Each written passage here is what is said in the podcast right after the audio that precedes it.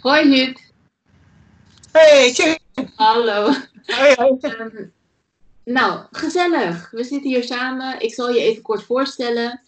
Ehm, ik ga vandaag een gesprek hebben met eh, Hubertine Langemeijer.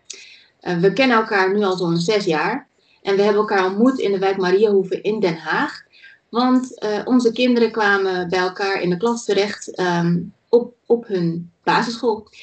Dus eh, fantastisch. En eh, in die zes jaar tijd heb ik je aardig goed leren kennen. En in dit gesprek wil ik graag ehm, met je eh, spreken over werken vanuit het hart, kunst en creatieve processen en persoonlijke ontwikkeling. En ik geloof dat jij dat allemaal gaat dekken, want je bent inmiddels al 13 jaar de directeur van Stichting Kunstpost.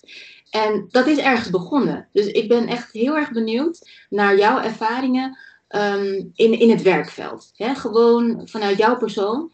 Dus ehm, vertel. Nou, in 2007 was er een kunstenaar die eh, naar me toe kwam. Die had een vraag om te willen werken, exposeren en cursussen en workshops te geven in Mariehoeven. Mhm. En ehm, nou, zij heeft het voor elkaar gekregen dat we in het postkantoor konden starten. Dus vandaar dat we onze naam hebben gevonden, Kunstpost.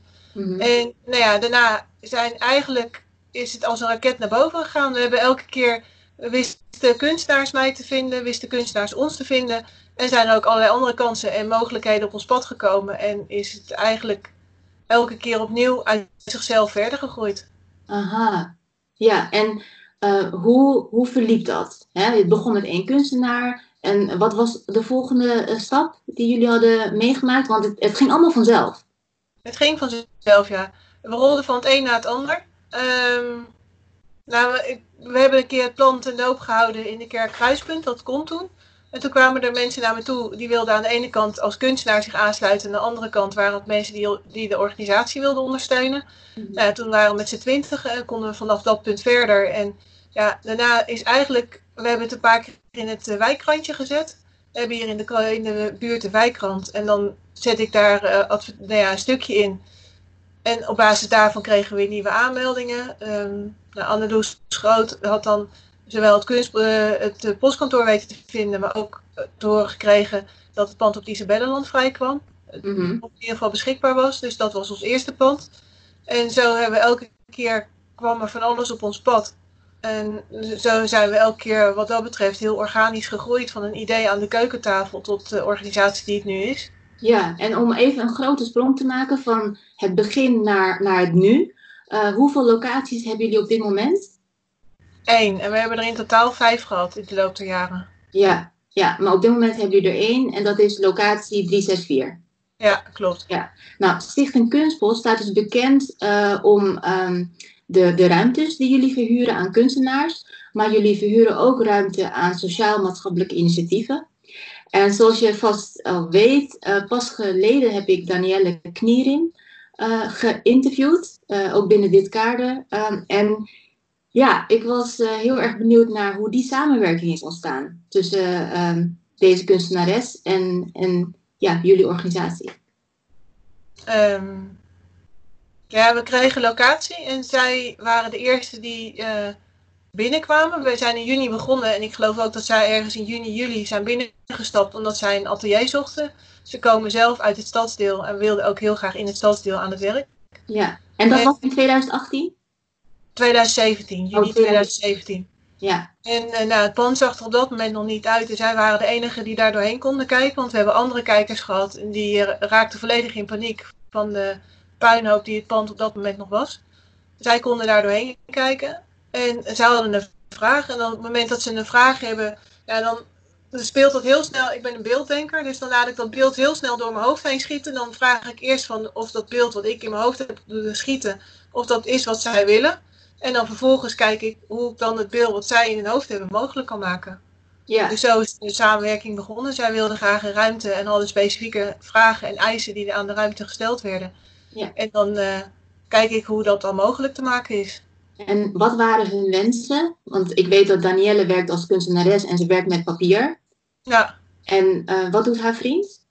eh, die drumt en die heeft heel veel verschillende toetsen.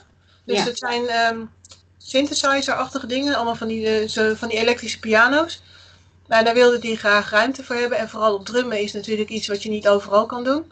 En toen zei ik, nou ja, als je met de winkels... We zitten, de locatie 364 zit bovenop het winkelcentrum. Als je rekening houdt met de winkels, dan is er veel mogelijk. Dus als je drumt na winkelsluitingstijd, dan hebben de winkeliers daar geen last van. En het winkelend publiek ook niet. En op het moment dat je aan isolatie van je hok doet, dus dat het geluid niet heel erg ver gaat dragen en ook zorgt dat je drumstel geïsoleerd is, dan zijn er natuurlijk dingen makkelijker mogelijk dan als je dat niet doet. Maar hij heeft inderdaad een heel drumhok gebouwd en de ruimte daaromheen is haar atelier. Ja. En, ja, hij schildert met papier en als hij er is, dan is hij inderdaad bezig om geluid te ontwerpen met zijn synthesizers en zijn uh, drumstel. Ja, en ze zitten dus samen in één ruimte. hoeveel vierkante meter uh, beslaat deze ruimte? 15, 20, zoiets. Het zal niet veel zijn. Ja. Dus haar, eigen, haar eigen atelier is echt een, is het snippertje wat overblijft van de ruimte die hij heeft. Dus de ruimte die overblijft om het drumhok heen. Dus ja. Het drumhok staat tegen de gang aan, zodat het dus zo min mogelijk geluid naar buiten laat uitvloeien. En eromheen zit dan nog een snippertje ruimte en dat is haar atelier. Ja, nou, en ik hoorde van Danielle dat ze daar dus zo, zo blij mee was. Want ze waren met z'n twee op zoek naar ruimte. En toen ze uh, bij jullie aanklopte, en uh, met name dus bij jou, toen gaf ze aan mij terug: Goh, wat, wat is Hubertine toch een bijzonder persoon? Want zij ziet gewoon mogelijkheden uh, waar wij de onmogelijkheden zagen. Dus ze waren eigenlijk heel erg bang voor een nee. Maar toen kwam jij met een: Ja hoor, jullie zijn welkom. Nou, fantastisch. Dus ik ben heel erg benieuwd hoe jouw brein werkt. Dus kun je me nog een, een paar voorbeelden geven van hoe jij kunstenaars of sociaal-maatschappelijke initiatieven op weg hebt geholpen? Hmm. Nou, het eerste wat met de binnen schiet is het Diamanttheater. is uh, een van onze partners in de wijk en in het stadsdeel. En op dat moment was Perry Leeman directeur van het Diamanttheater. En de school die in de tarwekamp zat was weg, dus daarmee hadden we wat meer ruimte. En ik wilde heel graag ook de tuin kunnen gebruiken. En daarmee hadden we het gangetje wat van het pand naar de tuin ging, hadden we ook. En um, nou, daar had ik samen met Arnold had ik al een klein podiumpje gemaakt en al een beetje een begin gemaakt van een theaterzaal. Mm -hmm. En toen Perry een keer vroeg van, joh, heb jij nog ruimte? Want we willen ons kantoor van de theaterwinkel verplaatsen. Toen zei ik, ja, want wij waren toevallig, hadden we de kans gekregen om naar beneden te verhuizen met ons kantoor. Want wij gingen naar de beheerderswoning beneden. Ja. En ons kantoor boven kwam vrij. Dus toen zei ik van, nou, ons kantoor komt vrij. Dus als je wil, kan je die gebruiken. Dat is een, was, ons kantoor daar had drie verschillende ruimtes. Die was groot genoeg voor hun, want zij zijn best een groot kantoor. Mm -hmm. En aan de andere kant kan je hier ook een theaterzaaltje maken, want dat hadden ze in die theaterwinkel. Mm -hmm. nou, toen zijn we er samen doorheen gelopen. Nou, hij heeft net zo'n creatief brein als ik. Dus dan binnen de kortste keren spatten het uit elkaar van oh dit en dat en zus en zo. En we hadden natuurlijk die start al gemaakt, Arnold en ik, zodat je een beetje kan zien van wat, het, wat de mogelijkheden zouden kunnen zijn. Ja. Nou, we zijn de theaterwinkel die ze hadden daar ingeperst. Nou, toen hadden we dus echt een prachtige theaterzaal. En ze hadden een goed functionerend kantoor. En als ze dan zeggen, joh, ik heb een tafel nodig. Nou, we hadden daar een tafel staan, die had ik al gekregen van een vriendin. En die hebben ze naar boven gehaald. Ja. En ja, spullen regelen is ook vaak niet het moeilijkste. Mm -hmm. Dus ja, geef een lijstje met spullen die je nodig hebt. En uh, ik ga met de aanhanger op pad en je hebt ze zo staan. Ja, ja, inderdaad. Ja, nou, dit verhaal doet me ook heel erg denken aan het verhaal dat je vertelde over een ander sociaal-maatschappelijk uh, initiatief. En het begon met een atelier um, in, in Vilt. Of kun je daar iets meer over vertellen? Ja. Nou, we hadden op het Darbenkamp een heel mooi groot atelier met een... Uh, de enige atelier wat we daar hebben met een harde vloerbedekking. En daar zat ook een waterkraan in. En toen kwam er een, kwamen twee initiatiefnemers naar me toe van ja, we willen graag met Vilt aan Zee. Bij jullie een atelier, kan dat? Ik zei nou ja, dat kan. En we hebben toevallig net een ruimte vrij die geschikt is. Want ze gaven ook aan dat ze heel veel nattigheid hadden en dat de vloer daar nat van werd.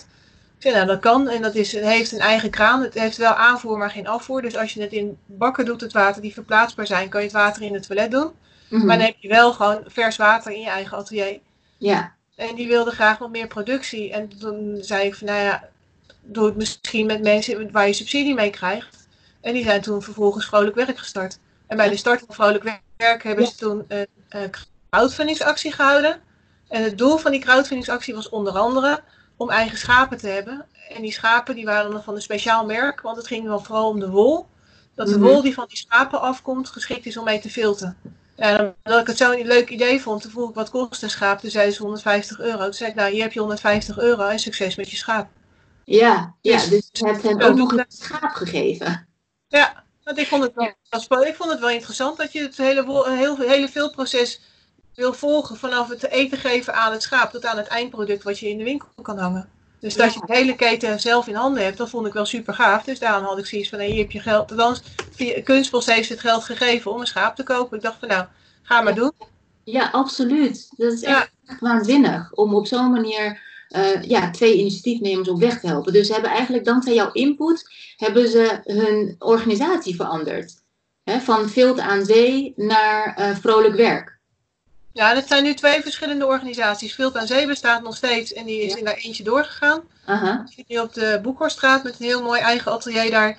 En Vrouwelijk Werk is echt een maatschappelijke organisatie geworden voor vrouwen met een afstand tot de arbeidsmarkt die via het filter weer terugkomen. En dat zijn nu twee dingen die los van elkaar staan. Maar de basis is dat ze samen gestart zijn. Ja, ja, oh vandaar. Ja. Nou, we hebben nu dus wat, wat ingezoomd hè, op uh, hoe jij kunstenaars, maar ook sociaal-maatschappelijke initiatiefnemers op weg kan helpen.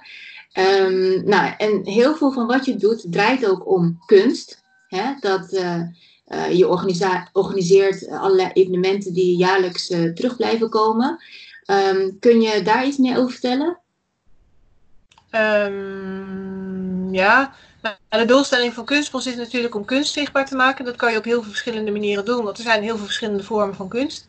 Ja. Um, het, nou ja, een van de kunstenaars die wij hebben, Maria Starke, die is 37 ehm, jaar celliste geweest bij het uh, residentieorkest. En die wilde heel graag klassieke concerten in de wijk geven. Voor een heel klein prijsje, zodat het voor iedereen toegankelijk is. En vooral voor mensen die normaal niet naar een concertpodium zouden gaan. Ja. Dat deed ze al vijf jaar, maar de samenwerking die ze had, die, uh, uh, ja, die, die, die, samenwerking liep een beetje, nou ja, dat einde aan de samenwerking. En toen vroeg ze, kan, kan ik dat met kunstbos doen? Ik zei, ja, tuurlijk. En toen zijn we ook gaan zoeken naar een zaal die beter geschikt was bij de concerten. En toen mm. hebben we de kerk Kruispunt gevonden en die, die wilde inderdaad meedoen. Dus toen hebben we het daar gedaan. Dat liep hartstikke goed. Een jaar later zaten we in de kerk, de Christus Triumvatorkerk. Dat liep wat minder, want dat was niet op zondagmiddag, want dan hebben ze daar kerkdiensten. Ja. En um, ja, we hebben een, toen, om, omdat ik dat deed, kwam het conservatorium naar me toe van joh, ik zie dat je heel veel tijd en aandacht geeft aan kamermuziek. Zou je dat voor ons ook willen doen? Zouden we daarin partners kunnen zijn? En toen zei ik van ja, laten we dat dan samen met Diamanttheater doen. Dus er zijn de drie culturele partners in het uh, stadsdeel hebben zich verenigd. Ja. En ja, toen hebben we het Kamermuziek, zijn we met het Kamermuziekfestival begonnen. En dit jaar in april zou dat de vijfde keer zijn. Maar ja, vanwege de corona is het niet gelukt. Maar zo zijn we dus in het Kamermuziekfestival gerold. En zo rollen we eigenlijk van het een in het ander elke keer. Ja, geweldig. Ja. ja. ja dat merk ik dus ook aan je verhalen, dat het eigenlijk allemaal zo vanzelf gaat. Hè? Zoals uh, jouw creatieve brein werkt, zo komt eigenlijk ook het werk allemaal naar je toe. En uh, ja, maak je, er, maak je er steeds iets anders van. En um, nou, wij hebben ook samengewerkt hè, in de vorm van een coachingstraject. Dat is alweer heel lang geleden. Maar um, wat, wat, ja, wat heel erg naar boven kwam, was dus dat je op een gegeven moment in jouw leven besloot: ik wil gewoon vanuit mijn hart gaan werken. Ja? En dat wat je nu aan het doen bent, dat komt dus echt helemaal uh, vanuit je hart. Uh, en, en het gaat je makkelijk af omdat, omdat je al je talenten uh, ja, in kunt zetten. En hoe, hoe was het daarvoor? Kan je daar iets meer over vertellen? Hoe, hoe was het om uh, ja, te werken binnen een ander kader? Vanuit de persoon die je bent. Ja, dat ging heel lastig. Want toen ik, ik ben in 93 uh, heb ik mijn HAO-diploma gehaald uh, hier in Den Haag aan de Management Economie en Rechtopleiding. en toen ben ik gestart als managementassistente. Nou, ik ben zelf dyslect, dus dat ging niet zo goed. En um, ja, daarna ben ik door, eerst als uitzendkracht ben ik doorgerold van het een en het ander. En daarna heb ik ook wel eens een tijdelijk contract gehad. Maar als beelddenker pas je dan niet in zo'n letter, eh, lettergerichte organisatie. Wat, dan liep ik ook elke keer vast dat ze zeiden van ja, maar met een HEA-opleiding moet je dat toch kunnen? En moet je niet zoveel taal- en spelfouten maken? Nou, op school vonden ze die taal- en spelfouten aanmerkelijk minder erg dan op het moment dat je dorpstraat of dorpsstraat stuurt. En dat als uh, organisatie uitstuurt, stuurt, dan vinden ze toch dat dat goed moet zijn. En ik had zoiets van, nou, als de postcode maar goed is, nou, dat ging ook niet helemaal top. Dus ja, dat ging, niet, dat, dat ging gewoon niet goed. En ik heb ook als kwaliteitsmedewerker gewerkt, onder andere bij het ministerie van Landbouw. Ja, dan moet je dus echt heel strak in een heel klein kader mensen zien te duwen om het proces financieel controleerbaar te houden. Het ging in dit geval om subsidie en subsidieverantwoording.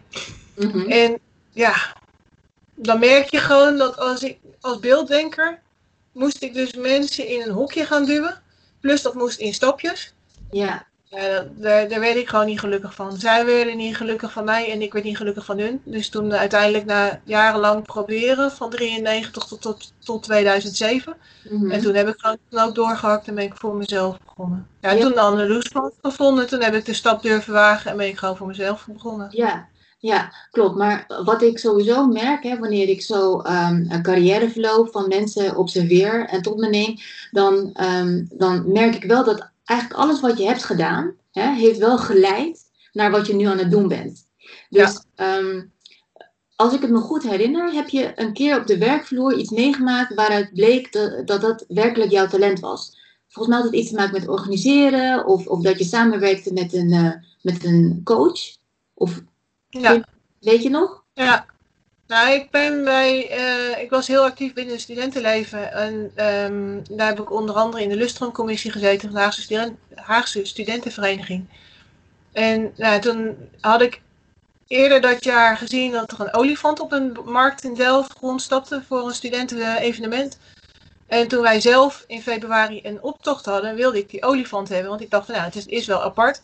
Want in dat geval zou, in ons geval ging eh, Socrates Euclides bezoeken. Want dat hoort bij de, de traditie van de vereniging. En ik wilde dan dat Socrates op de olifant naar Eu- Euclides zou gaan.